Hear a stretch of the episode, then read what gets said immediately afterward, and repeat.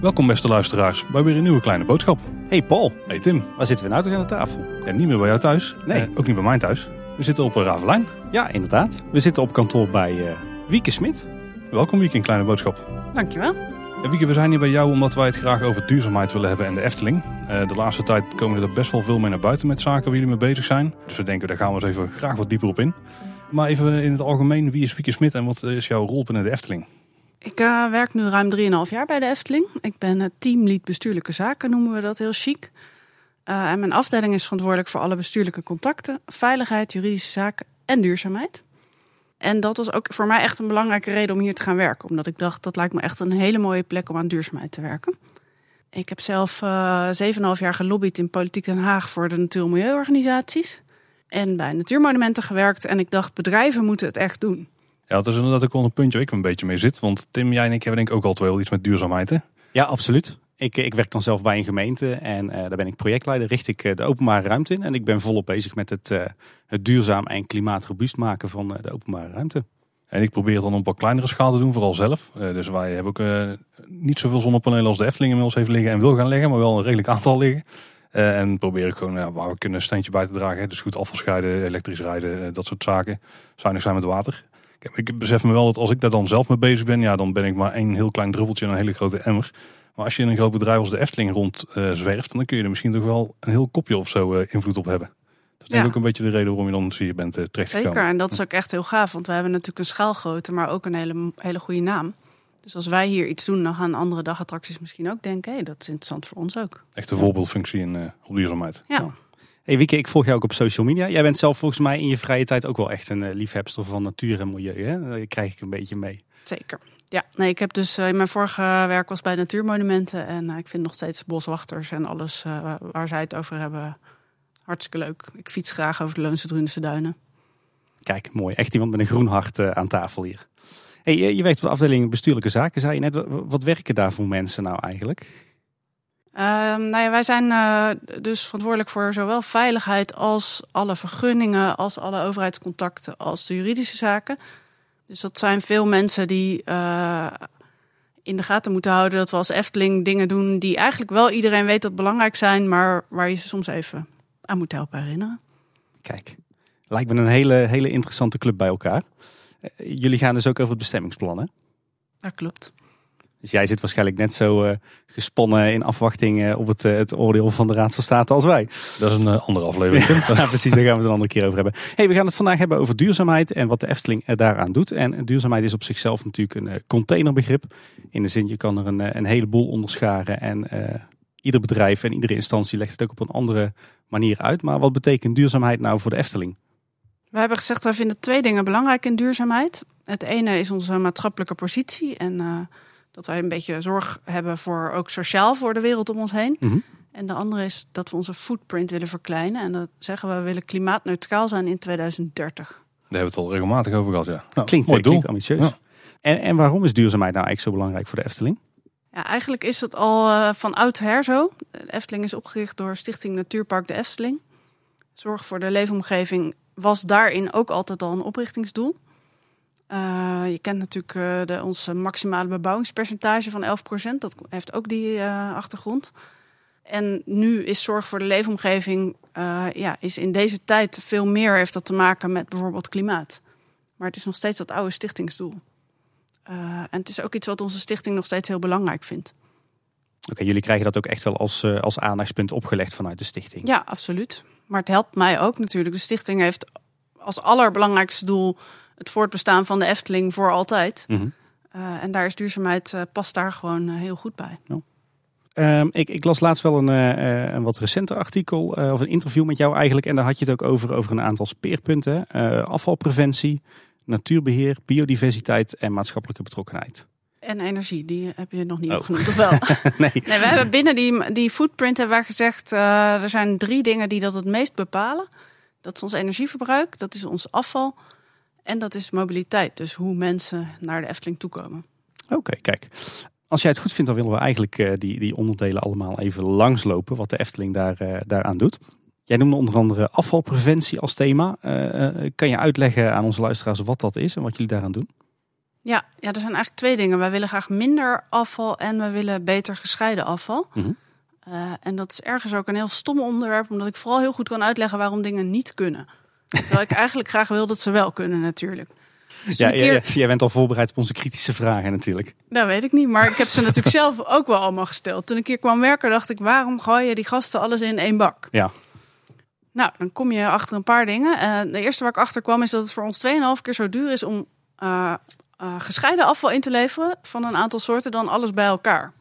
Best wel raar. Ja, dat is raar. Ja. Gemeentes worden gesubsidieerd om PMD-afval in te leveren en wij niet als bedrijf. Uh, en er zijn ook nog eens heel weinig afvalverwerkers die bedrijfsafval willen hebben om het dan nog na te scheiden. Uh, en het derde was dat uit, eigenlijk uit pilots blijkt bijvoorbeeld bij de NS dat het verschrikkelijk moeilijk is om schone stromen te krijgen in zo'n bak. Dus uiteindelijk hebben we gezegd, we moeten vooral achter de schermen nog veel meer scheiden. Dus in de keukens van de restaurants en in onze milieustraat. En wat we wel toen eruit hebben gepikt is PET omdat wij denken dat de meeste mensen moeten begrijpen wat petafval is. En omdat er heel veel milieuwinst zit om dat te scheiden, omdat je het heel goed kunt recyclen. Ja, want pet is een van de grootste onderdelen van de afvalstroom binnen de Efteling, toch? Nou, van de bakken, de kakons zeg maar, waar de gasten afval in doen, hm. is het 15 tot 20 procent van het volume van zo'n bak. Ja, even voor de luisteraars, pet, dat zijn natuurlijk de petflesjes, oftewel de flesjes uh, drinken die je overal kan ja, kopen. Sorry, dat is mijn jargon. ja. En we hebben ook op de bak geen pet gezet, maar plastic flesje. Ja, precies. Ja. Even nog iets anders. Jij had het net over afvalscheiden. Wat dan ook gebeurt bij de uh, clubs die dan het afval hier Of in ieder geval een potentie dat zouden kunnen doen. Dat is volgens mij ook een concept waar heel veel mensen die zich niet echt bewust van zijn. Als je afval inlevert, dan wordt het vaak nog uh, gesorteerd. En ook bijvoorbeeld vies papier en zo, dat willen ze gewoon niet hebben. Nee, nou als je echt wil dat het gescheiden verwerkt wordt, dan moet het een hele schone stroom zijn. Dus inderdaad, papier, dat is echt heel irritant, maar er mag niet vet zijn, mag geen ja. etensresten bij zitten, anders kan het niet opnieuw tot papier verwerkt worden. Dat is vrij lastig in een bedrijf als de Efteling, eh, kan ik me zo voorstellen. Ja. Ja, en dat is dan weer de reden waarom we dan een vrij bescheiden uh, zet hebben gezet met de plattegronden opnieuw inleveren. Die zijn in ieder geval gewoon schoon en dat is gewoon papier. Um, en daarvan vonden we er veel in de prullenbakken. Dus toen dachten we, als we nou iets neerzetten waar die plattegronden in kunnen, dan heb je in ieder geval dat vastgescheiden. Nou zag ik wel laatst dat de, kist weer verdwenen is bij de uitgang. Is dat, De uh... kist wordt uh, gerepareerd. Ah, Komt okay. weer terug. Kijk, kijk. Ja. Um, jij zei net, uh, achter de schermen doen we ook nog een afvalscheiding. Ik hoorde een verhaal dat er schijnbaar nasluitingstijd uit de kliko's met de hand nog petflesjes worden verwijderd. Is dat een broodje aap verhaal of gebeurt dat werkelijk? We hebben echt collega's die nog petflesjes uit het afval halen. Niet zozeer uit de kliko's, maar wel uit de mandjes, bijvoorbeeld in het Sprookjesbos. Oké. Dus de collega's die met de knijpers rondlopen, die halen ook flesjes daaruit, die zamelen ze apart in. En dat gaat echt ontzettend goed. Die hebben er al 200.000 ingezameld dit Zo. jaar. Oh. Okay. Echt respect denk ik voor die mensen. Dat is niet een, eh, een job waar je meteen uh, jaloers op bent misschien, maar uh, die doen wel heel goed werk. Ze doen echt heel goed werk en uh, nou ja, ik ben er in ieder geval heel erg trots op. Ja, die flesjes worden dus los ingezameld. Jullie hebben nu ook twee automaten staan, volgens mij nog als test. Bij de Oost en ook bij de Steenbok. Ja. Wat gebeurt er nu precies met die flesjes als worden ingezameld? Ja, dat is, uh, ik heb echt heel veel geleerd daarover de afgelopen jaren. Want uh, ik dacht, we gaan gewoon pet recyclen, simpel. Uh, maar dat is niet zo. Je kunt op verschillende niveaus, dat, hoe schoon ze zijn, dat inleveren. En van sommige pet, als het heel schoon is gebleven en als het doorzichtig is en het omhulsel, de sleeve noemen ze dat, die eromheen zit, als die er goed af kan, dan kunnen ze er nieuwe flesjes van maken. Oké. Okay. Maar bijvoorbeeld als je groene flesjes er doorheen doet, ja, dan kun je je eigenlijk wel voorstellen, krijg je nooit meer een doorzichtig flesje. Nee, nou. Dus de flesjes uit de automaat, die gaan naar een fabriek waar ze er nieuwe flesjes van maken. En de flesjes die we uit de bakken vissen, die, gaan, uh, die worden als laagwaardiger pet ingezameld. En daar kun je bijvoorbeeld autogordels van maken of uh, oh, okay. Of, uh... Oh, interessant. Hey, ik, ga, ik, ga, toch even, toch even een klein beetje advocaat van de duivel spelen. Want je zegt, uh, het is voor ons als Efteling niet doenlijk om gescheiden in te zamelen in het park. Dat is een vraag uh, die, die stellen heel veel van onze luisteraars, maar ik zelf ook wel. Als ik dan bijvoorbeeld uh, op Schiphol loop, dan uh, zie ik daar toch ja, afvalbakken met drie of vier verschillende afvalstromen. de meeste dierentuinen en musea in Nederland zamelen gescheiden in. Waarom zij dan wel en de Efteling niet? Ja, ik moet daar over sommige anderen dan iets onaardigs gaan zeggen. Maar het is niet zo dat het bij allemaal ook gescheiden wordt afgevoerd. Mm -hmm. Want wij vroegen ons dat natuurlijk ook af. We dachten, hé, hey, hier treffen wij bij een collega dagattractie een PMD-bak. Wat interessant, waarom ja. kunnen zij dat wel en wij niet? Toen gingen we dat navragen. Toen bleek dat het bij hen ook niet apart werd afgehaald. Dus Dat is dan een beetje verdrietig. Ja, Ehm, op Schiphol doen ze heel erg hun best om het schone stromen te krijgen. En zelfs de schoonmakers scheiden daar nog na.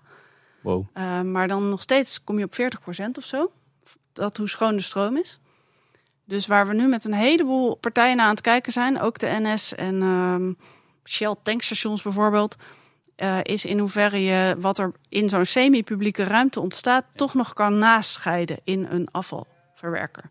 Oké, dus, dus als ik het moet samenwerken, dan zit het probleem van wel of niet scheiden zit niet aan de voorkant, wat iedereen denkt, maar juist aan de achterkant Ja. van het systeem. Ja, het is dus eh, sowieso heel veel duurder als we het apart zouden willen inleveren. Waarschijnlijk is er geen capaciteit in een afvalverwerker.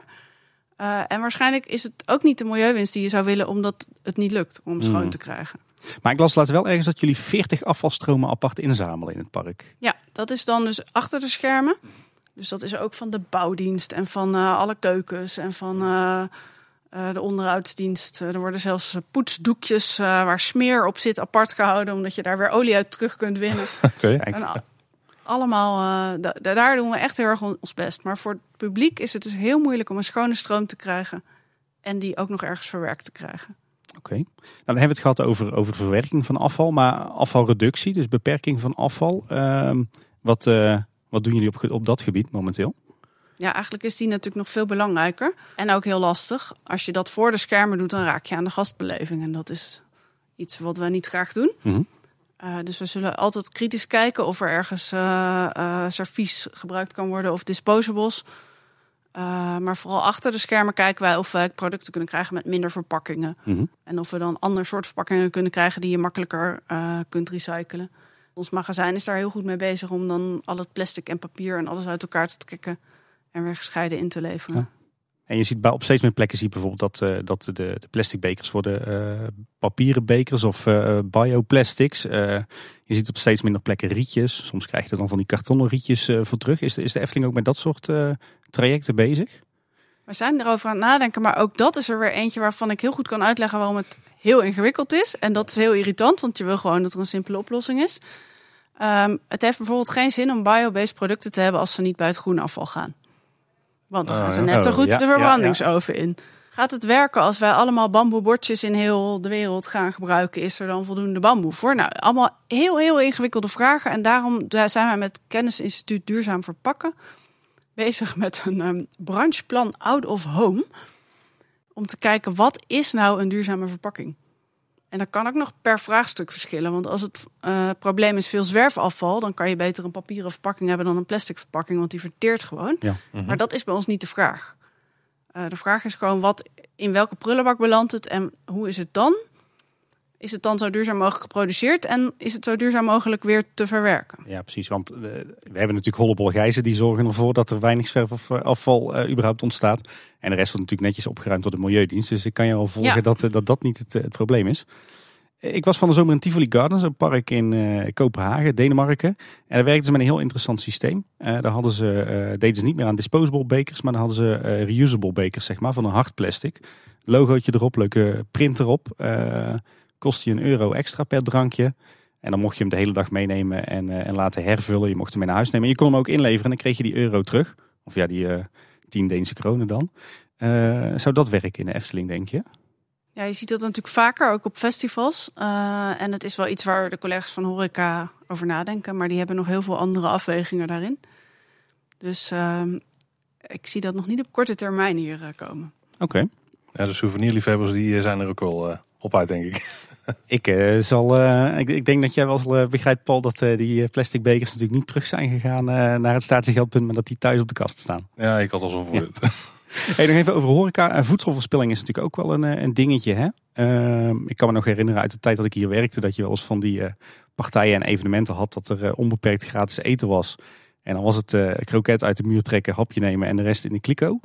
Doet, doet de Efteling nog wat aan het terugdringen van voedselverspilling? Ja, zeker. Want dat is natuurlijk, dat wil je echt niet zien dat er eh, zoveel eten in de vuilnisbak gaat. Bij evenementen is het tegenwoordig bijna altijd zo dat mensen een giftcard krijgen met een budget erop. En dus niet meer onbeperkt eten kunnen bestellen, maar eh, echt even moeten afwegen: wil ik liever een frietje of een broodje kroket? En ook in de keukens zijn ze echt heel kritisch aan het kijken hoe ze met zo min mogelijk waste, afval kunnen koken. Dus dat heeft zeker de aandacht.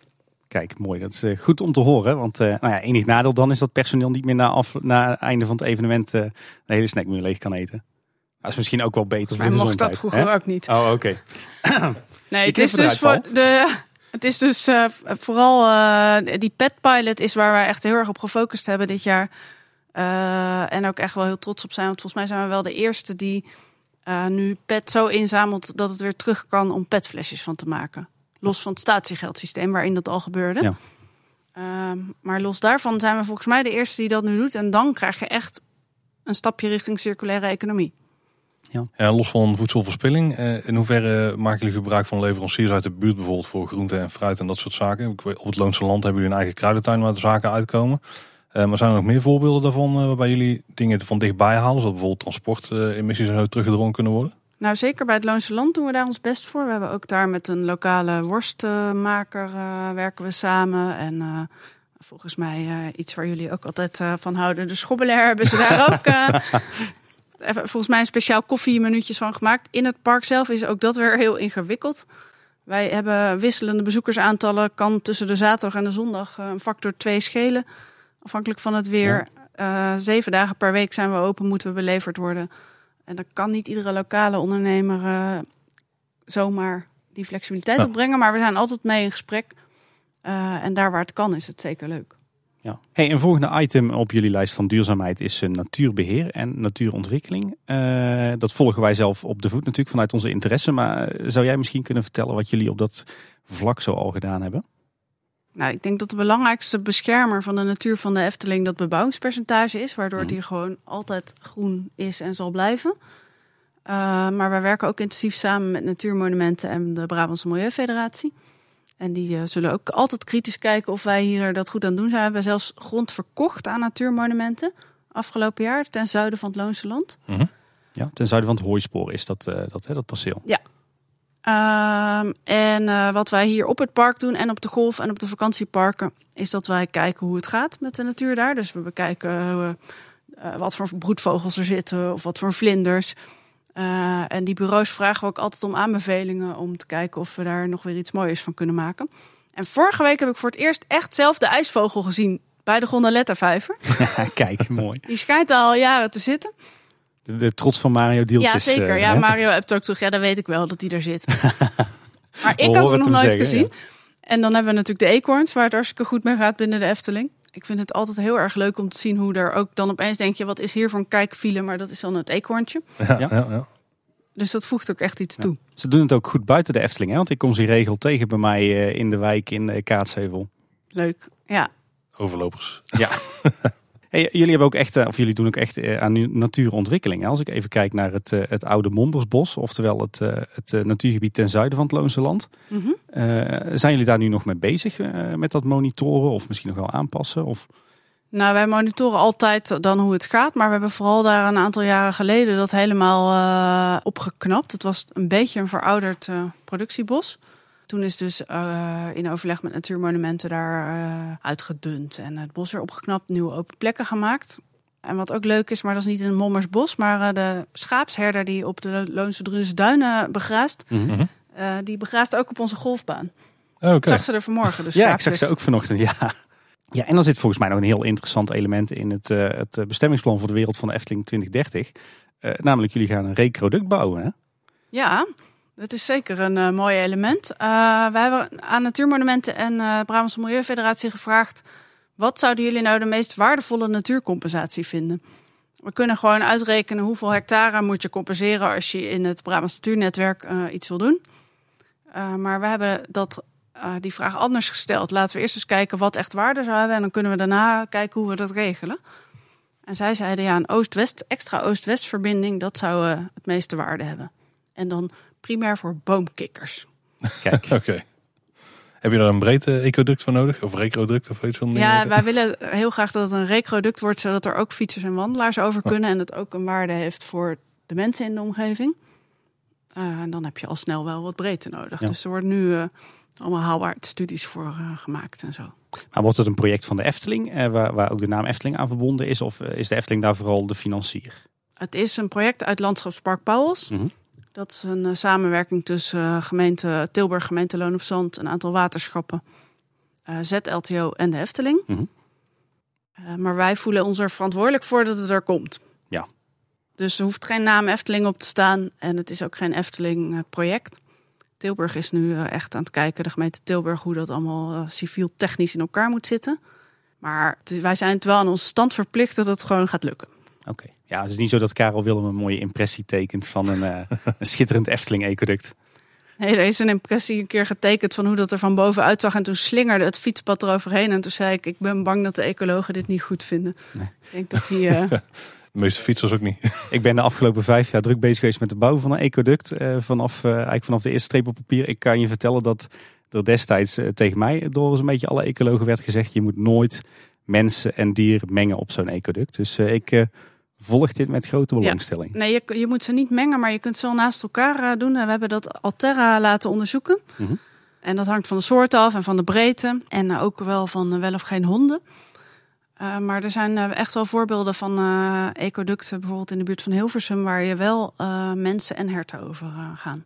Oké, interessant. Dat eh, rapport gaan we nog eens opsporen. Ja. We hebben het over natuur. En een, ander, eh, een belangrijk element denk ik tegenwoordig van natuur is ook biodiversiteit. Is dat ook nog een speerpuntje voor eh, de Efteling? Ja, nee, zeker. Daarom, dat is ook waarom wij graag willen laten monitoren welke soorten hier voorkomen. En ook willen kijken of we er ruimte kunnen maken voor meer eh, verschillende eh, soorten. Ehm, en het grappige van de Efteling is natuurlijk dat er momenten zijn, s'avonds bijvoorbeeld, dat het hier hartstikke rustig is. Mhm. Dus volgens mij hebben wij echt wel een mooie plek voor heel veel eh, verschillende vogels en eh, andere dieren. Je had het al over eh, de ijsvogel en de eekhoorn. Maar zijn er zo nog meer bijzondere soorten die bij jou oppoppen van... nou, dat zijn echt juweeltjes dat we die in een park als Efteling mogen hebben? Nou, we hebben 43 vogelsoorten in het park. Bijvoorbeeld de boomklever, de boomkruiper, de bosuil, het goudhaantje en de bonte vliegenvanger. Dat zijn echt wel leuke vogels om in een attractiepark te hebben. Kom je niet vaak tegen, nee. Goudhaantje klinkt ook als een mooi sprookjesonderwerp. Maar ja, precies. Hij vond toch weer een vogel in het Sprookjesbos, hè dan? ja, daar zit u op te wachten. Je had het er net over dat jullie eh, vorig jaar eh, eh, een best wel fors gedeelte van het Efteling grondgebied hebben verkocht aan natuurmonumenten. Hè. Dat gaat over het hele stuk bos- en akkerland ten zuiden van het Hooispoor. En een paar jaar eerder is het voormalige kraanven verkocht aan, aan natuurmonumenten en herbestemd tot natuur. Heeft de Efteling nog plannen om het, eh, het grondgebied verder te verkleinen? Of, eh, is Nee, zeker niet. Het, is ook, het was ook heel eh, revolutionair dat we nu die verkoop deden. En daar, hebben we heel lang over gepraat. Maar voor natuurmonumenten was het belangrijk. zij wilden wel graag onze uitbreidingsplannen steunen. Maar alleen als zij het gevoel hadden dat het in balans was met de omgeving. Dat het ergens ophield met de groei naar het zuiden. Ja. Omdat ze het belangrijk vinden dat dat een rustige zone blijft. Heel lang over gepraat hoe je dat allemaal kunt borgen. Maar uiteindelijk is dit de meest overtuigende manier. Ja, absoluut. Ja. Goed wisselgeld, denk ik. Ja. Ja. Ja. Zullen we naar een ander eh, puntje gaan? Energie. Ja, twee weken geleden hebben jullie aangekondigd dat jullie een enorm zonnepanelenpark gaan bouwen. Want daar komt het in principe op neer. Eh, kun je daar iets meer over vertellen? Dat, eh, ik, ik vind het leuk eh, dat we daar nu ook gewoon over kunnen praten. Ehm, want het was heel lang vertrouwelijk. Wij verbruiken natuurlijk heel veel energie als Efteling. Eh, en dat kan ook niet anders, want dat is eh, wa- wat je nodig hebt als je een achtbaan omhoog wil krijgen of eh, een wildwaterbaan in beweging. Ehm, en wij kopen onze energie groen in. We kopen 100% Europese windstroom in, maar we willen eigenlijk ook gewoon heel graag veel energie zelf opwekken. We hebben best wel goed gekeken waar dat dan, hoe dat zou kunnen. Uiteindelijk kom je toch gewoon uit op zonne-energie en heel veel oppervlakte heb je dan nodig als je een serieus aandeel wil doen. En toen hebben we bedacht, ja, de enige plek waar dat op kan, eh, waar het ook esthetisch eh, haalbaar is en eh, waar je zelfs nog wat voordeel voor de gast eruit haalt, is boven de parkeerplaats. Ja. En dan hebben we het over eh, ehm, M voor de eh, Ja, we hebben het Liefhebbers? wel uitgelegd ja, waar het ligt. Ja. We, we, we hebben het er in onze vorige nieuwsaflevering volgens mij een half uur over gehad. Dus eh, de luisteraars zijn inmiddels geïntroduceerd. Helemaal goed. Dus dat is, eh, eh, nou ja, als je al wel aan de overkant van de eh, Kinkerpolder parkeert en dan het stuk waar het niet voor hard is nu.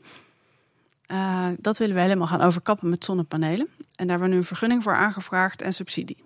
Het gaat ook echt om het hele, hele gebied. Dus het hele stuk wat nu niet verhard is, wordt eigenlijk één, groot, één grote kartpoort met zonnepanelen eigenlijk. Ja. En dat tussen waarschijnlijk wel openingen met banen waar je kunt rijden, want alleen de vakken zijn overdekt denk Dat ik. klopt, ja. Had- ik had een poging gedaan om een berekening op los te laten. En ik kwam erop uit dat jullie ongeveer 3 gigawattuur aan energie gaan opwekken daar per jaar. Klopt dat ongeveer? Of? Eh, nou, wat, we, wat ik makkelijker vind is om te zeggen hoeveel deel van ons energieverbruik het is. Het is eh 20% van ons volledige energieverbruik wordt dan duurzaam opgewekt. Dat is nu 6, dus er komt 14 bij. En omdat het, eh, de opwek van zonne-energie door het jaar heen nogal kan variëren, kan het op een goede zomerse dag het volledige energieverbruik van de Efteling zijn. Wow. Dat is natuurlijk ook ideaal, want op dat moment heb je ook zonnelicht terwijl het park open is natuurlijk. Ja, wij zijn een van de betere plekken om, eh, waar je zonne-energie kunt toepassen, omdat je de energie nodig hebt op het moment dat de zon schijnt. Ja. En als jullie overcapaciteit hebben, dan wordt die teruggeleverd aan het netwerk, neem ik aan. Eh, het is heel lastig, denk ik, om op zo'n grote schaal opslag te doen van energie. Maar hebben jullie daar nog naar gekeken? Nou, dat is dus niet echt nodig, want wij hebben het nodig op het moment dat, er eh, ook veel zon is. Dat is wel, wel, Eigenlijk bij ja. uitstek. Want hoe, hoe zomerser de maand, hoe meer eh, bezoekers. En eh, hoe beter de dag, hoe meer bezoekers. Ja, precies. Ja, dat is op, ja. En, en hoe komt het er ongeveer uit te zien? Kan je nou wat van vertellen? Nou, het zijn gewoon vrij eh, sobere carports. En voor ons was vooral belangrijk, waarom we er heel lang tegenaan hebben gehikt, is dat het gewoon wel eh, kostbaar is. Mhm. Omdat het heel veilig moet zijn. Eh, en een carport, daar kan een keer iemand per ongeluk tegenaan rijden bijvoorbeeld. Dus Ja. je moet gewoon hele goede constructies hebben. Eh, en dan is het gewoon een schuine eh, carport met een eh, eh, voet eronder, waar dan de auto's onder kunnen staan. Het gaat daar 20% van jullie totale energievoorziening eh, gaat het eh, faciliteren. Mhm. Wat zijn nou de allergrootste energieslurpers binnen het park? Eh, nou, een van de allergrootste is de Piranha. En toen wij dat daar eens met de medewerkers bespraken, toen hebben zij zelf het initiatief genomen om later op te starten. Mhm. En dat kan dan dus al bijna een procent van het energieverbruik van de Efteling opleveren. Dus zij gingen gewoon opstarten, koffie drinken, eh, open. En nu gaan ze dus koffie drinken, opstarten, open. Dat is iets spannender, want als je bij de opstart iets raars vindt, dan eh, moet je misschien later open. Maar uiteindelijk bleek dat zo weinig te zijn dat ze dachten, nou, voor de energie kunnen wij dat best eh, anders doen. Ja. Beetje het gemeentelijk model. Hè? Eerst koffie drinken, daarna pas werken. Nee, ze gingen eerst opstarten. Dus ze gingen juist, ja, nu, wat ze nu doen, Ja, is het precies. gemeentelijk model. En eh, showverlichting is eh, iets wat gewoon veel energie kost. Eh, wij waren echt heel verbaasd bij de eerste berekeningen van hoeveel energie wij gingen besparen door eh, LED toe te passen in de Carnaval Festival. Dat is 2% van het totale energieverbruik van de hele Efteling. Hey, Zo. En eh, Dat dat zit flinke zo aan de dijk. is Ja, ook echt zo gegaan. Ik kan natuurlijk jullie luisteraars ni- niks laten zien, maar dit is het grafiekje voor en na. Wow, Verbruik dat is nogal een verschil. Carnaval ja. Festival. Het ziet er een beetje uit als het waterorgel. Maar dat is alleen grappig als je het grafiekje ziet. Ja, nee, het, zijn inderdaad, het is een, een blauw grafiek en een rode grafiek. De rode zijn de, is de nieuwe, de nieuwe staat, neem ik aan. Ja, dat scheelt gewoon echt een factor 4 of zo. Ja. dat is best wel gruwelijk. Zijn er, zijn er zo nog meer acties die jullie eh, eh, kunnen doen ten aanzien van het, eh, zeg maar het verlagen van het energieverbruik in het park? Nou ja, het, het, eh, die opwek, daar hebben we veel aandacht voor gehad. Eh, en daar hebben we nu dan de grote klapper mee gemaakt. En op verbruik eh, hebben kleine en grote initiatieven. We zijn nog steeds goed in beeld aan het brengen waar nou het grootste verbruik zit. En intussen zijn we gewoon acties aan het ondernemen op allerlei niveaus. Dus we hebben ook eh, eh, restaurants waar ze eh, overal stickers hebben zitten van deze moet een half uur voordat we open gaan aan. En deze een uur en deze een kwartier. In plaats van dat je 's ochtends gewoon alles aanknalt en eh, denkt zo, ik ben klaar. Ja. Eh, en zo zijn er dus heel veel eigen initiatieven van medewerkers. En tegelijkertijd moeten we gewoon kijken als er een keer een motor ergens vervangen wordt, dan moet die natuurlijk veel zuiniger worden. En dan maak je weer een grote slag. Ja. Eh, en ook met isolatie zijn we eh, goed aan het kijken waar we winst kunnen halen. De Lutiek wordt verbouwd, die gaan we nu beter isoleren. Er zijn natuurlijk ook punten waar je meer, meer elektriciteit gaat verbruiken. Bijvoorbeeld bij de frituurpannen, want die worden volgens mij allemaal elektrisch gemaakt nu in plaats van gas. Er zijn er nog andere plekken waar jullie dat soort trucjes toepassen om de uitstoot te verminderen? Ja, we hebben gezegd dat we helemaal gasloos willen worden voor verwarmen in 2030. En dat is ook een hele spannende ambitie. Eh, en dat helpt niet alleen voor de CO2, maar ook nog voor de stikstof. Dus dat is extra fijn. Dus we hebben nu bij station de Oost en bij de Meermin zijn we helemaal gasloos aan het koken nu. Maar eigenlijk het meeste gasverbruik is voor verwarmen wat we hebben. Mhm. We hebben in Bosrijk en het Loonse Land al zo gebouwd dat het gas alleen maar backup is. Dus we hebben in Bosrijk eh, een warmte-koude opslag en in het Loonse Land een biomassacentrale. Maar we zijn wel aan het kijken of we meer van dat soort warmte-koude opslagachtige systemen kunnen toepassen. Ja, want volgens mij, hè, de, de, we hebben nu WKO eh, naast Bosrijk ook eh, in het Efteling Hotel in Vogelrok en in Ravelijn, zeg ik even uit mijn hoofd. Ja, Vogelrok en eh, Hotel is hetzelfde. Ja. Dus één. Eh, maar je, maar je, je hebt zo geen concreet voorbeelden van, van panden in Efteling waar je dat ook al van plan mee bent. Nee, maar we zijn wel heel serieus aan het kijken naar gebieden waar dat zou kunnen. Je hebt het ook over biomassa. Eh, op zich een mooi initiatief hè, in het Loonse Land. Daar wordt ook heel veel aan educatie gedaan. Maar de laatste weken is er ineens heel veel ophef over biomassa. Ik kan me voorstellen dat jij dat ook op de voet volgt. Ja, er is, eh, het hangt er nogal vanaf waar je biomassa vandaan haalt, hoe duurzaam het is. Eh, en wij hebben in ieder geval gezegd, we willen het inkopen volgens de strengste duurzaamheidsnorm. Mhm. En dat is de NTA 8080. Kijk, Heb ik onthouden van toen we dat ooit besloten. Weer iets geleerd in. Ja, precies. Eh, we hebben het al een hele tijd over energie. Maar weet jij zo uit je hoofd, eh, Wieke, wat het energieverbruik van de Efteling is op een eh, beetje een gemiddelde dag? Nee, ik ben hier heel slecht in. Ik vind die kilowatturen echt heel moeilijk te onthouden. Als mijn berekening klopt, dan is het ongeveer 15 gigawattuur per jaar. Dus reken maar uit. Ehm, eh, je had het al over de Piranha, hè, dat het de grote energieslurper is. Ik kan me nog een, eh, een artikel, krantenartikel uit begin jaren 90 herinneren. Daar werd inderdaad gezegd van, joh, de Piranha is de grootste energieverbruiker. Daarna Fata Morgana en dan Carnival Festival. Maar ik kan mij zo voorstellen dat dat tegenwoordig niet meer de toppers zijn eh, qua energieverbruik. hè? Nee, ik zou verwachten dat hoe harder je wil gaan en hoe hoger, hoe meer energie je nodig hebt. Aquanura is denk ik ook wel eh, Ja, die een verbruikt ook energie. Ik heb ook gehoord dat bij bijvoorbeeld het aanleggen van bron 1898, dan moest er een nieuwe stroomvoorziening worden getrokken. Dus dat zal ook wel een flinke verbruiker zijn. Nee, dat was Aquanura. Daar moest volgens mij eh, een, eh, vanuit het, eh, het net eh, een hele nieuwe infra worden aangelegd. En totdat het zover was, eh, werd die gevoed met aggregaten. Dat heeft vooral, die nieuwe kabel heeft vooral te maken met piekcapaciteit. Dus je hebt natuurlijk een, een basislast van dingen die de hele dag doordraaien. En je hebt dingen die in één keer heel veel energie nodig hebben. En dan moet de kabel dat ook aan kunnen. Mooi dat normaal gesproken dan speculeren we gewoon aan tafel. Nu hebben we meteen iemand die eh, alle antwoorden weet. En een fact Dat is wel prettig. Piekcapaciteit, zou dat ook met CK zijn? Ja, hier in Efteling misschien wel. Ja. Eh, ik- wil ook nog even teruggrijpen op, eh, op de zonnepanelen op vak M. Wij hebben het daar in onze vorige afleveringen uitgebreid over zitten discussiëren en filosoferen. Wij waren wel even benieuwd, hoe verhoudt zich dat nou met de uitbreidingsplannen van de Efteling? Want jullie willen op termijn richting het westen uitbreiden met, met je, je dagrecreatie. En dan staat daar ineens een, eh, een parkeerterrein met eh, zonnepanelen in de weg. Ja, we hebben in het bestemmingsplan staan dat na 2025 we ook die kant op kunnen uitbreiden. Mhm. En we hebben aan de leveranciers die we hebben eh offerte hebben gevraagd voor de panelen gevraagd om een systeem wat uiteindelijk verplaatsbaar is. Ah, kijk. Dat is Het zal echt Ja. niet heel makkelijk te verplaatsen zijn, maar het is er wel op ontworpen. Kijk, dan zaten wij toch met eh, onze suggesties de goede kant in te denken. Ik ben ook nog wel benieuwd rondom die zonnepanelen of dat jullie eh, infrastructuur technisch daar nog zaken voor moeten aanpassen. Want het gaat natuurlijk om veel energie. Dat moet vanaf het parkeerterrein daar richting het park, want daar, daar zit al het grote verbruik. Eh, ik kan me voorstellen dat daar flinke sleuven worden gegraven met heel veel dikke kabels erin of zo. Ja, zeker. Nee, dat is, eh, dat is het meest ingewikkelde, denk ik.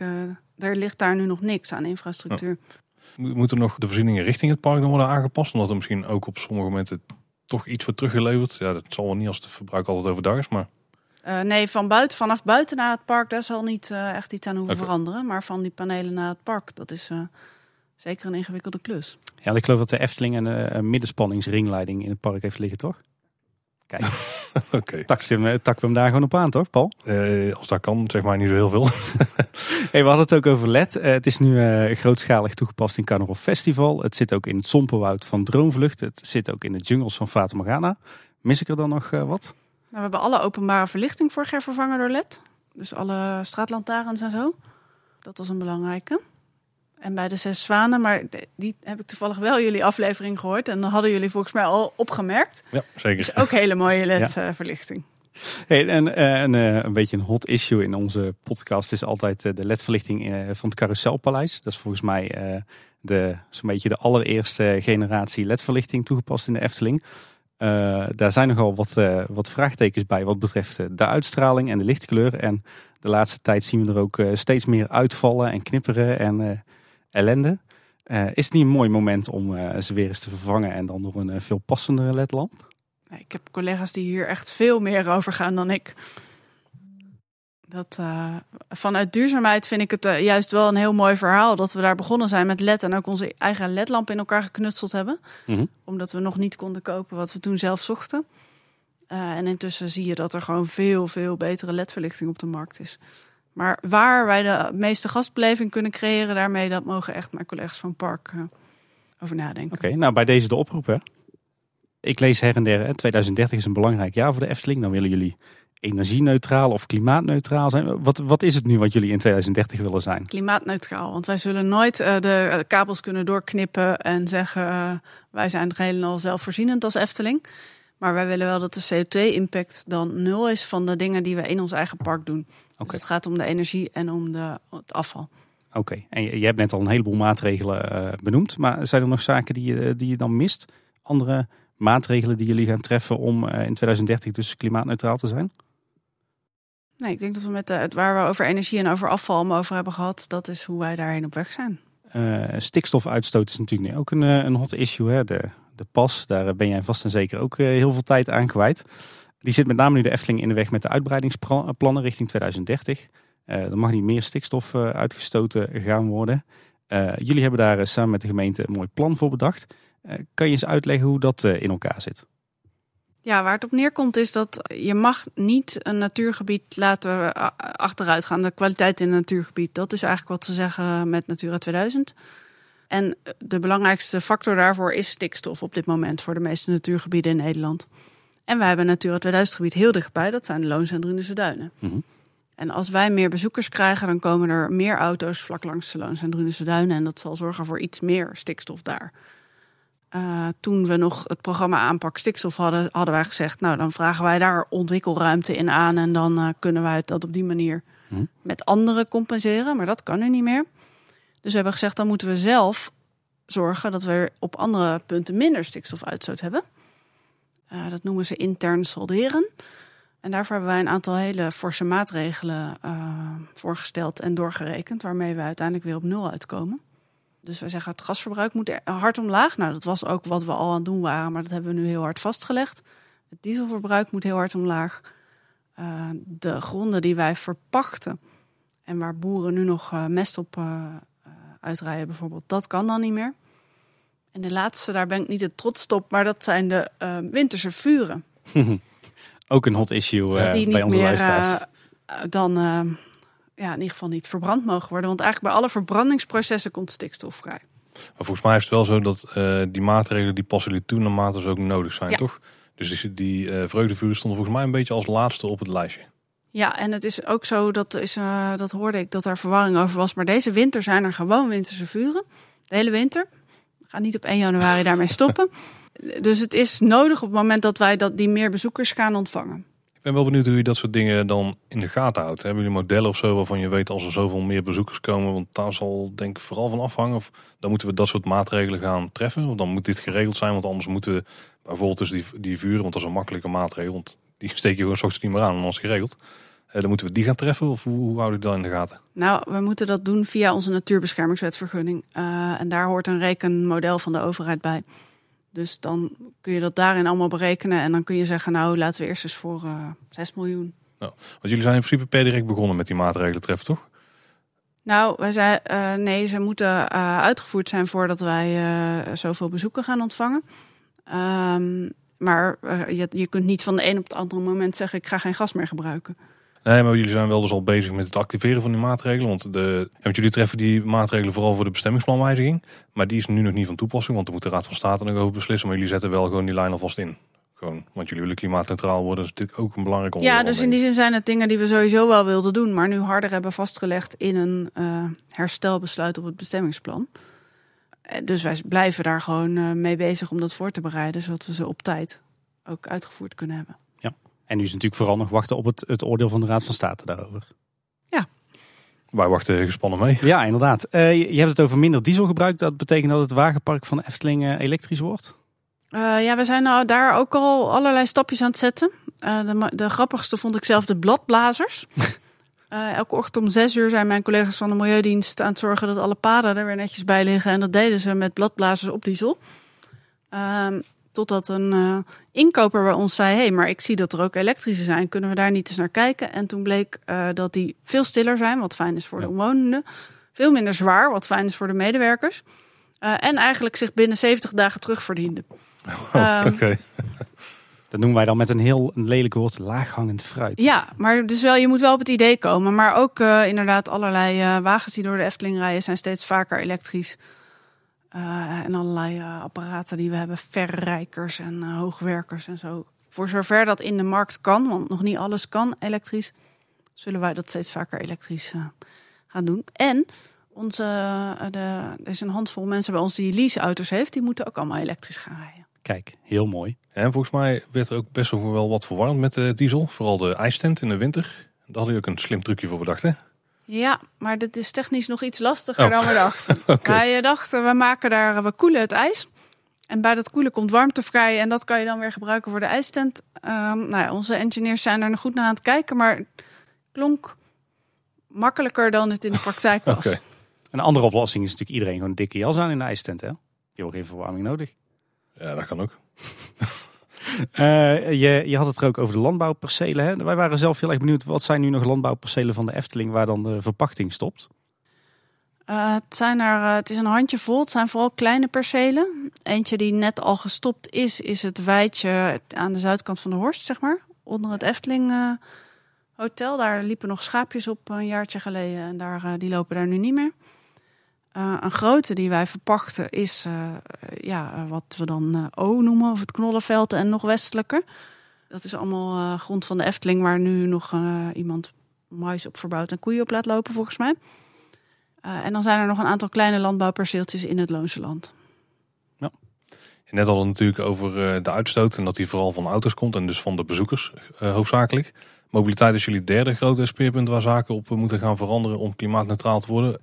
Eh, wat zijn een beetje daar de grote de zaken die jullie gaan doen of willen doen? Want de bezoekers heb je niet volledig in de hand natuurlijk. Nee, en dat is ook waarom wij daarop zeggen dat wij niet kunnen beloven dat we daarop klimaatneutraal worden. Maar wel, uh, het is een groot deel van onze CO2-uitstoot. Dus we moeten er wel iets op doen. Uh, en we zijn daar vooral wat dingen aan het uitproberen. Dus we hebben een pilot gehad met een busverbinding met Breda. Um, daar zaten echt te weinig mensen in. Echt te weinig, 2,3 per busrit ongeveer. Oh, best weinig, ja. Uh, terwijl wel bleek uit onderzoek uh, wat wij deden dat mensen wisten dat de bus bestond, maar ze gingen gewoon toch over Tilburg. Uh, maar het aantal uitstappers bij de Efteling is wel hoger geworden met de bussen. Dus of dat dan door de combi-tickets komt die wij doen of andere meer. We hebben er ook echt meer aandacht voor gehad met Arriva. We hebben een actie met de NS waarbij je jaar rond een voordelig ticket kunt kopen. Trein, bus en entree. En dat was altijd in actieperiodes, maar is nu jaar rond. Zodat hopelijk meer mensen met de trein komen. We hebben de fietsenstalling gratis gemaakt.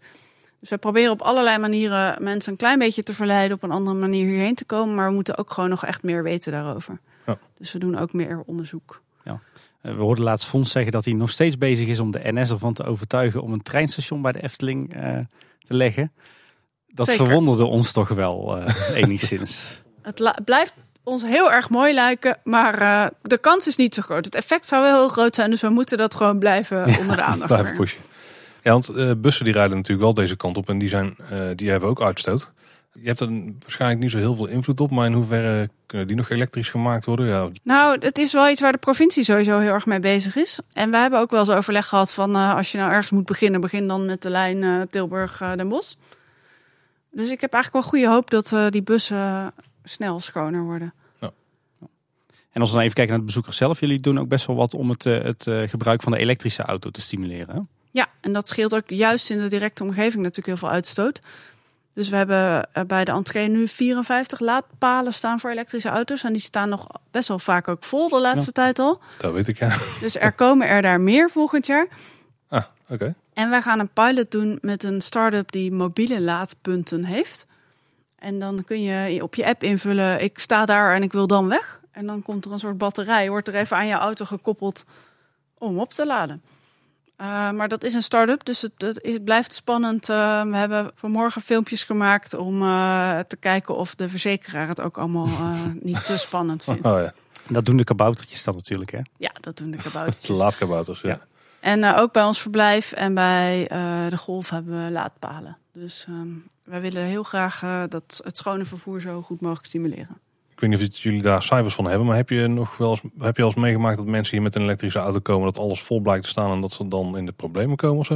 En dat dan misschien mensen ervan weer houdt om hier naartoe te komen? Nee, wat je eigenlijk ziet, ik heb van de zomer zelf een dag op de parkeerplaats gestaan. Vond ik hartstikke leuk om te doen. De mensen die laat komen en dus geen paal meer hebben, zijn vaak mensen uit de buurt. Hè Paul? Ja. Uh, dus dat is uh, nu nog niet aan de orde. Uh, en als het echt zo is, dan gaan onze medewerkers, ja, jullie kennen ze, die hebben overal een oplossing voor. Die gaan iets verzinnen.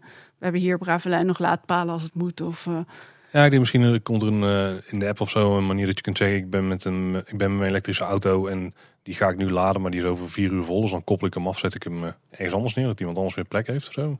Ja, op zich zouden die mobiele laadpunten jou daarin ontzorgen. Ja. En hetzelfde effect kunnen hebben. Want wij willen natuurlijk het liefst dat mensen gewoon de hele dag lekker van het park kunnen genieten. Daarom vonden wij die start-up toen ook zo interessant. Omdat die heel goed past bij hoe wij de gast willen ontzorgen. Een dag zonder hobbels te bezorgen. Ja. Dus dat zou echt heel tof zijn als dat lukt. En we zijn voor onze medewerkers natuurlijk heel erg bezig. Uh, om te kijken of die ook duurzamer hierheen willen komen. Dus we hebben een uh, enorme fietscampagne gehad deze zomer. En uh, een renteloze lening voor medewerkers voor een fiets. En een app waarmee je gestimuleerd wordt om te fietsen. Dus dat is in ieder geval iets wat nog meer binnen onze invloedssfeer ligt. En we hebben natuurlijk de F261 hier voor de deur. Ja, geweldig. Het gewoon een snelfietsroute ja. van Tilburg naar Waalwijk. Direct langs de Efteling. Via de verlegde Horst. Ja, schitterende weg. Ik hem toch weer even af in de podcast. Uh, het gaat over mobiliteit, dan komt ook zo ieder jaar komt een keertje terug uh, de, de monorail of uh, de trambaan vanuit Tilburg richting Waalwijk. Is dat voor jullie nog steeds een, een realistisch verhaal of moeten jullie daar gewoon net als wij hard om lachen? Ja, het is, er is geen business case te maken van een vervoersstroom die gewoon één keer per dag één kant op gaat en één keer per dag de andere kant op gaat. En op zich die busbaan vanaf Tilburg, daar is niet zoveel mis mee ook. Uh, nee, hij staat zeker. Uh, ik heb een soort bingo-kaart van ideeën die iedereen altijd heeft voor de duurzaamheid van de Efteling. Uh, en wat ze altijd zeggen is: kunnen jullie het navervoer niet heel Eftelings maken? Een soort achtbaan of zo. en kunnen jullie de parkeerplaats niet overkappen met zonnepanelen? Nou, dat is dan gelukt. Kijk, het is ongeveer 5% van onze bezoekers komt met het openbaar vervoer. En de vraag is of dat aandeel groter wordt als je het navervoer verandert. Ja. Uh, want mensen komen met gemiddeld veel mensen, 3,8 mensen in een auto, een coolbox, een buggy en een boddercar. En dan kun je monorails aanleggen wat je wil. Maar als mensen gewoon niet willen overstappen of zelf niet in de buurt van een station wonen, ja. dan is het heel lastig om ze te verleiden op een andere manier te komen. Ja, ja heel begrijpelijk. En hoe ver zijn de verblijfsaccommodaties nog een middel om uh, in ieder geval verkeersbewegingen vallen naar het park terug te dringen? Ja, dat helpt natuurlijk zeker. Want uh, dan komen toch even op dat bestemmingsplan, daar hebben we het heel bewust alsmaar over bezoeken en niet bezoekers. Ja, ja, ja. Want iemand die in uh, ons verblijf zit, die bezoekt vaak het park wel drie of vier keer. En daar, voor al die keren gaat hij niet nog een keer met een auto op en neer rijden. Dus dat is heel belangrijk. Uh, ik, ik, wil nog even, nog even een klein stapje terug uh, nemen, weer terug naar de uitstoot. Want ik las laatst een artikel waarin stond dat, dat ondanks alle maatregelen die nu zijn voorgesteld, dat de Efteling absoluut niet wil tornen aan de stoomtrein en ook absoluut niet aan open vuur. Uh, niet zijn de, de vreugdevuren. Waar komt dat zo stellig vandaan? Ik heb geen idee, maar ik weet wel dat er wel veel mensen gehecht zijn aan uh, de authentieke stoomtrein. Uh, ik denk dat je altijd open moet blijven staan voor alle oplossingen. Maar daar hebben we nu in ieder geval niet voor gekozen. Ja. en een ander onderdeel van duurzaamheid, dat, dat kom ik bij de Efteling nog niet echt tegen, maar daar loop ik bij mij op het werk, ben ik daar eigenlijk dagelijks mee bezig, is klimaatadaptatie of klimaatrobuustheid. Uh, even voor onze luisteraars, wat houdt dat in? Het klimaat verandert natuurlijk. Uh, en om daarop in te spelen, uh, moet je eigenlijk ook de inrichting van de fysieke ruimte, zoals dat dan met een lelijk woord heet, daarop aanpassen. hier in onze regio hebben we vooral te maken met extreme regenval en wateroverlast die daaruit ontstaat. Met verdroging en met hittestress, oftewel opwarming van de stenige oppervlaktes. Daar kan je van alles mee doen. Ehm, en ik ben vooral eigenlijk heel benieuwd wat de Efteling daar, daarmee doet. Ja, hier krijgen we ook gelijk weer het voordeel terug van ons lage bebouwingspercentage. Omdat er al heel, veel, heel groot deel van het park groen is, heb je minder last van.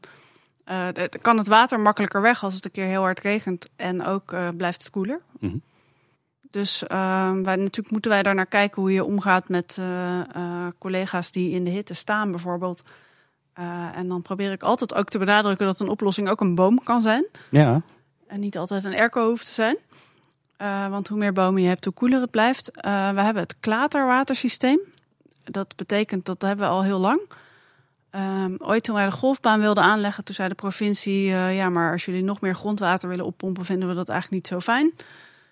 En sindsdien hebben wij een samenwerking met de rioolwaterzuivering hier in Kaatsheuvel. Dat uh, wat daar gezuiverd water is, komt bij ons op de golfbaan in een ven.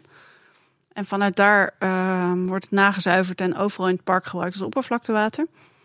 Dat betekent dat wij heel weinig water hoeven op te pompen uit de bodem, bijvoorbeeld om te sproeien. Uh, en eigenlijk blijkt dat nu ook voor hele droge en hete periodes dus een heel fijn systeem te zijn. Want uh, daar waar heel veel plekken met heel veel te veel droogte te, maken hebben gehad, hebben wij eigenlijk niet zo heel veel problemen gehad. Omdat wij dat water uit het klaterwatersysteem kregen. We moeten wel zorgen dat we uiteindelijk genoeg oppervlaktewater blijven hebben om als er veel regenval is, het kunnen bergen. Ja. Dus daar zullen we in nieuwe gebieden zeker naar kijken. En zien jullie nou ook dat, dat er hier minder verdroging is? Ja, door dat systeem zag je echt dat er minder verdroging was. Want het water wat uit die rioolwaterzuivering komt, dat verspreidt zich via dat oppervlaktewater ook over het park. En dat uh, zijgt dan in, zoals dat zo mooi heet. En dan komt er gewoon weer nieuw water. Uh, dus wij uh, hebben echt minder droogteproblemen gehad. mooi. Eh, jij zegt net al terecht van vergroenen, meer bomen is, een, is denk ik een, een hele doelgerichte en, en ook nog niet eens zo heel dure oplossing voor bijvoorbeeld verdroging en hittestress. de Efteling is natuurlijk al wel heel erg groen, maar er zijn toch ook best wel wat plekjes in het park, met name pleinen, uh, waar toch wat bomen verdwenen zijn. Eh, er wordt er wel eens door de in Efteling gekeken van, joh, waar zouden we allemaal nog extra bomen neer kunnen plempen? Nou, plempen niet, want daar wordt heel, heel zorgvuldig over nagedacht. Onder andere door onze landschapsarchitect. Ja. Uh, maar daar wordt zeker over nagedacht, want uh, bomen zijn, geven een belangrijke identiteit aan de Efteling. Um, je had het net over het, oppervlaktewater. Afgelopen zomer hadden we wel nog een uh, klimaatgerelateerd probleempje. Namelijk er zat uh, wat blauwalg in, in de Aquanura vijver. blauwalg, legionella, al dat soort zaken die, die ook weer te maken hebben met de klimaatverandering. Dat zijn denk ik nu wel hot issues voor het, het hele watergebeuren in het park. Kan ik me zo voorstellen. Ja, nou waar wij ook naar aan het kijken zijn, behalve warmte-koude opslag, is of wij iets zouden kunnen met aquathermie. Dan haal je mhm. warmte uit water kun je later weer gebruiken om te verwarmen. En dat zou ook kunnen helpen om minder problemen te krijgen met uh, bijvoorbeeld blauwalg. Oké.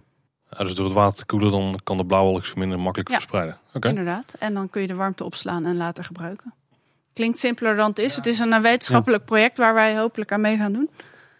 Uh, maar dat zou wel uh, die aan twee kanten dus helpen. Ja. Ik ken het, wordt ook, ik wil het ook bij een aantal van mijn projecten toepassen, maar er is nog wat koud watervrees. Zo.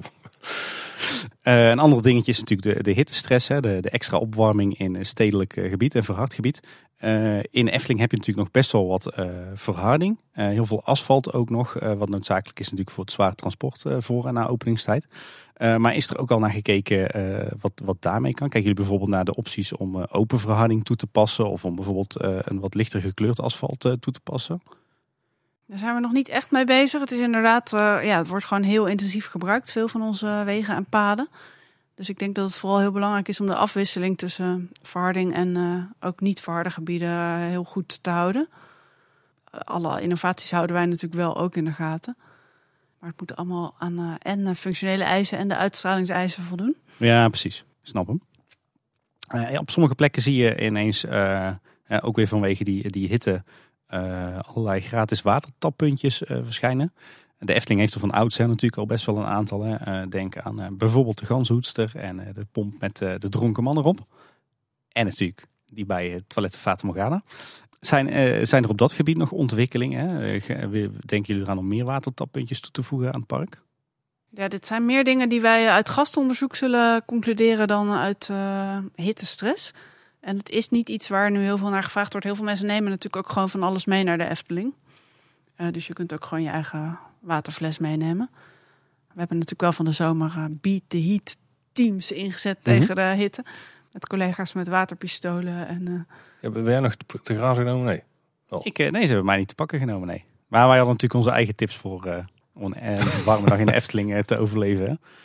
Ik denk dat er wel een soort... Um dat er wel punten zijn binnen de Efteling waarbij eh, de gasbeleving misschien voorgaat op duurzaamheid. Eh, we doen net al de stoomtuin bijvoorbeeld. Maar wat zijn nou een beetje de, eh, de lastigste thema's en waar, waar is, komt het minst overeen, zeg maar?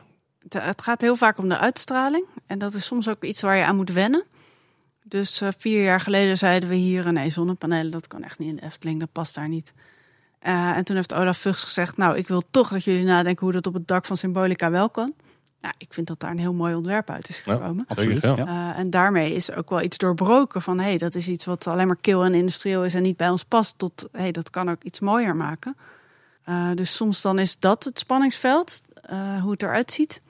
En wat ik ook heel vaak als vraag krijg, maar wat wij niet snel zullen doen, is: kunnen jullie niet uh, educatief iets doen en mensen vertellen hoe ze met de wereld moeten omgaan? Maar dat gaat echt, druist echt in tegen hoe je een dagje Efteling uh, moet beleven. Vandaar dat de Pandadroom uh, recent is gesloten. Dit was een hele bijzondere uitzondering op onze attracties. Dat was een leuk en leerzaam uitstapje voor de Efteling, denk ik. Laten we het daarop houden. Uh, en, en heel, iets wat mij uh, eigenlijk in instantie verbaasde is dat, uh, dat de Efteling onder duurzaamheid ook maatschappelijke betrokkenheid eigenlijk schaart. Zou je daar wat meer over kunnen vertellen? Nou, ook dit is echt iets wat aan de, aan de basis ligt van de oprichting van de Efteling. Mijn collega's lachen mij altijd een beetje uit als ik zeg wij zijn een social enterprise avant la lettre. Maar het is wel zo. Ehm, want de Efteling is opgericht met een sociaal doel. Uh, het doel was om het leven, harde leven van de mensen in de Langstraat te verlichten. En ook om een alternatieve werkgelegenheid voor de schoenenindustrie te bieden.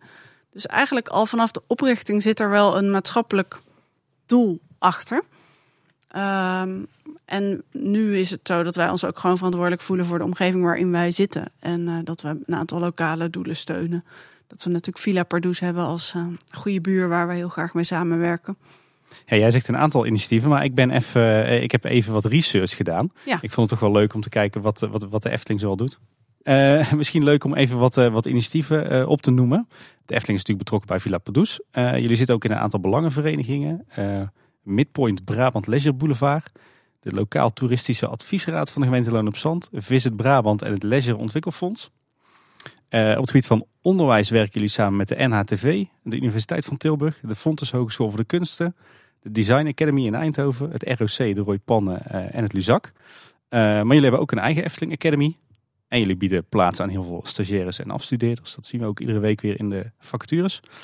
Uh, maar er gebeurt ook een hoop op tweet van liefdadigheid. Ik zie dat jullie onder meer doneren aan Stichting Save the Children, de Paul van Vliet Award, Make-A-Wish, de Stichting Ambulance Wensen. En jullie hebben de kinderafdelingen van het Elisabeth II Steden Ziekenhuis in Tilburg en het Franciscus ziekenhuis in Roosendaal opnieuw ingericht. En jullie hadden zelfs een, een, boot in de, de Pride in Amsterdam voor de stichting Ongewenst Kinderloos, denk ik even. Nee, die heet anders. Hij heet sowieso anders, want het, het heet meer dan gewenst. Ah, het gaat meer om dan uh, gewenst, ja. Dat mensen die, die natuurlijkerwijs niet samen kinderen kunnen krijgen omdat ze van hetzelfde geslacht zijn. Kijk, dat is een uh, positievere benadering, ja. zo hoort het. En lokaal zijn jullie, sponsoren jullie Desk en Des. Dat zijn volgens mij de voetbalclub en de hockeyclub. Ja. Uh, het Pleinfestival in Kaatsheuvel, bij mij uh, om de hoek. En de Efteling Omloop, dat is een wielerwedstrijd. Uh, jullie hebben recent een speel- en beweegtuin in de Prinsessenbuurt aangelegd. Natuurlijk om ervoor te zorgen dat de bel van het leerhuis weer kan gaan luiden. Frans Gournay, de inspiratiemanager van de Efteling, die zit in het centrummanagement van Kaatsheuvel. En jullie maken gebruik van lokale leveranciers zoals de Albert Heijn en aannemers zoals Verhagen Grondwerken uit Kaatsheuvel. En jullie hebben ook nog ontwerpwerk gedaan voor bijvoorbeeld de jeugdbibliotheek in de Lokhal in Tilburg, het Jeroen Bosjaar en de kerststal in de Sint-Jan. Nou, heel dat wat hè? Dat waren de dingen die ik terug kon vinden, maar mis ik er dan nog? De voedselbank steunen wij ook hier lokaal. Oké. Okay. Um, dat doen wij uh, ieder jaar. Maar wat ik zelf een heel leuk initiatief van uh, collega's vind, is dat wij ook uh, binnen de Efteling hebben we, dat is volgens mij heel, heel Brabant Tilburg, hebben we de Klottermarkt. Dat zijn dan ja kunnen de collega's hun, hun Sinterklaas inkopen doen met een voordeeltje. Maar daar worden ook dingen verkocht die niet meer in de echte winkels terechtkomen, omdat er iets mee is. En wat daar over, overbleef, werd weggegooid. En dat stuitte een aantal mensen heel erg tegen de borst. Dus we hebben nu uh, ieder jaar een paar vrachtwagenladingen met knuffels die naar de voedselbank in Waalwijk gaan. Want daar is een poppendokter.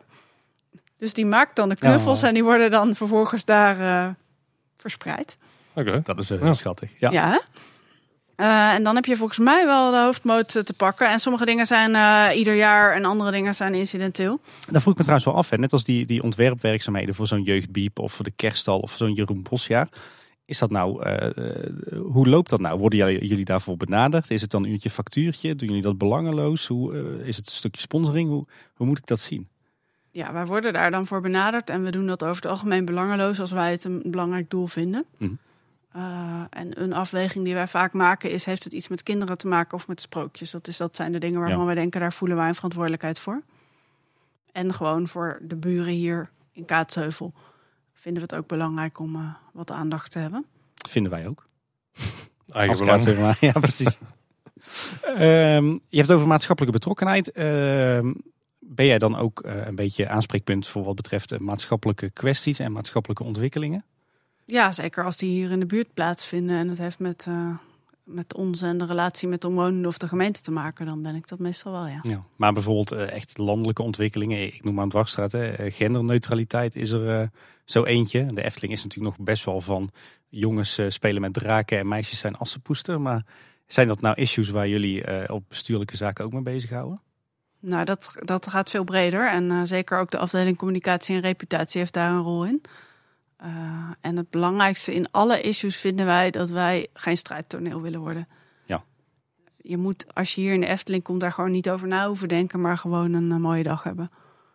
Ja, lijkt me een goeie. Ja. Mijn dochter loopt trouwens ook gewoon in een drakenbadje als er rond hoor. Dus, eh. Zijn er nou nog zaken eh, die jullie op het gebied van duurzaamheid doen die wij eh, gemist hebben? Ik denk het niet. Volgens mij zijn echt wel de grote klappers van afgelopen jaar geweest, eh, eh, of afgelopen jaren, dat we de laadpalen enorm hebben uitgebreid.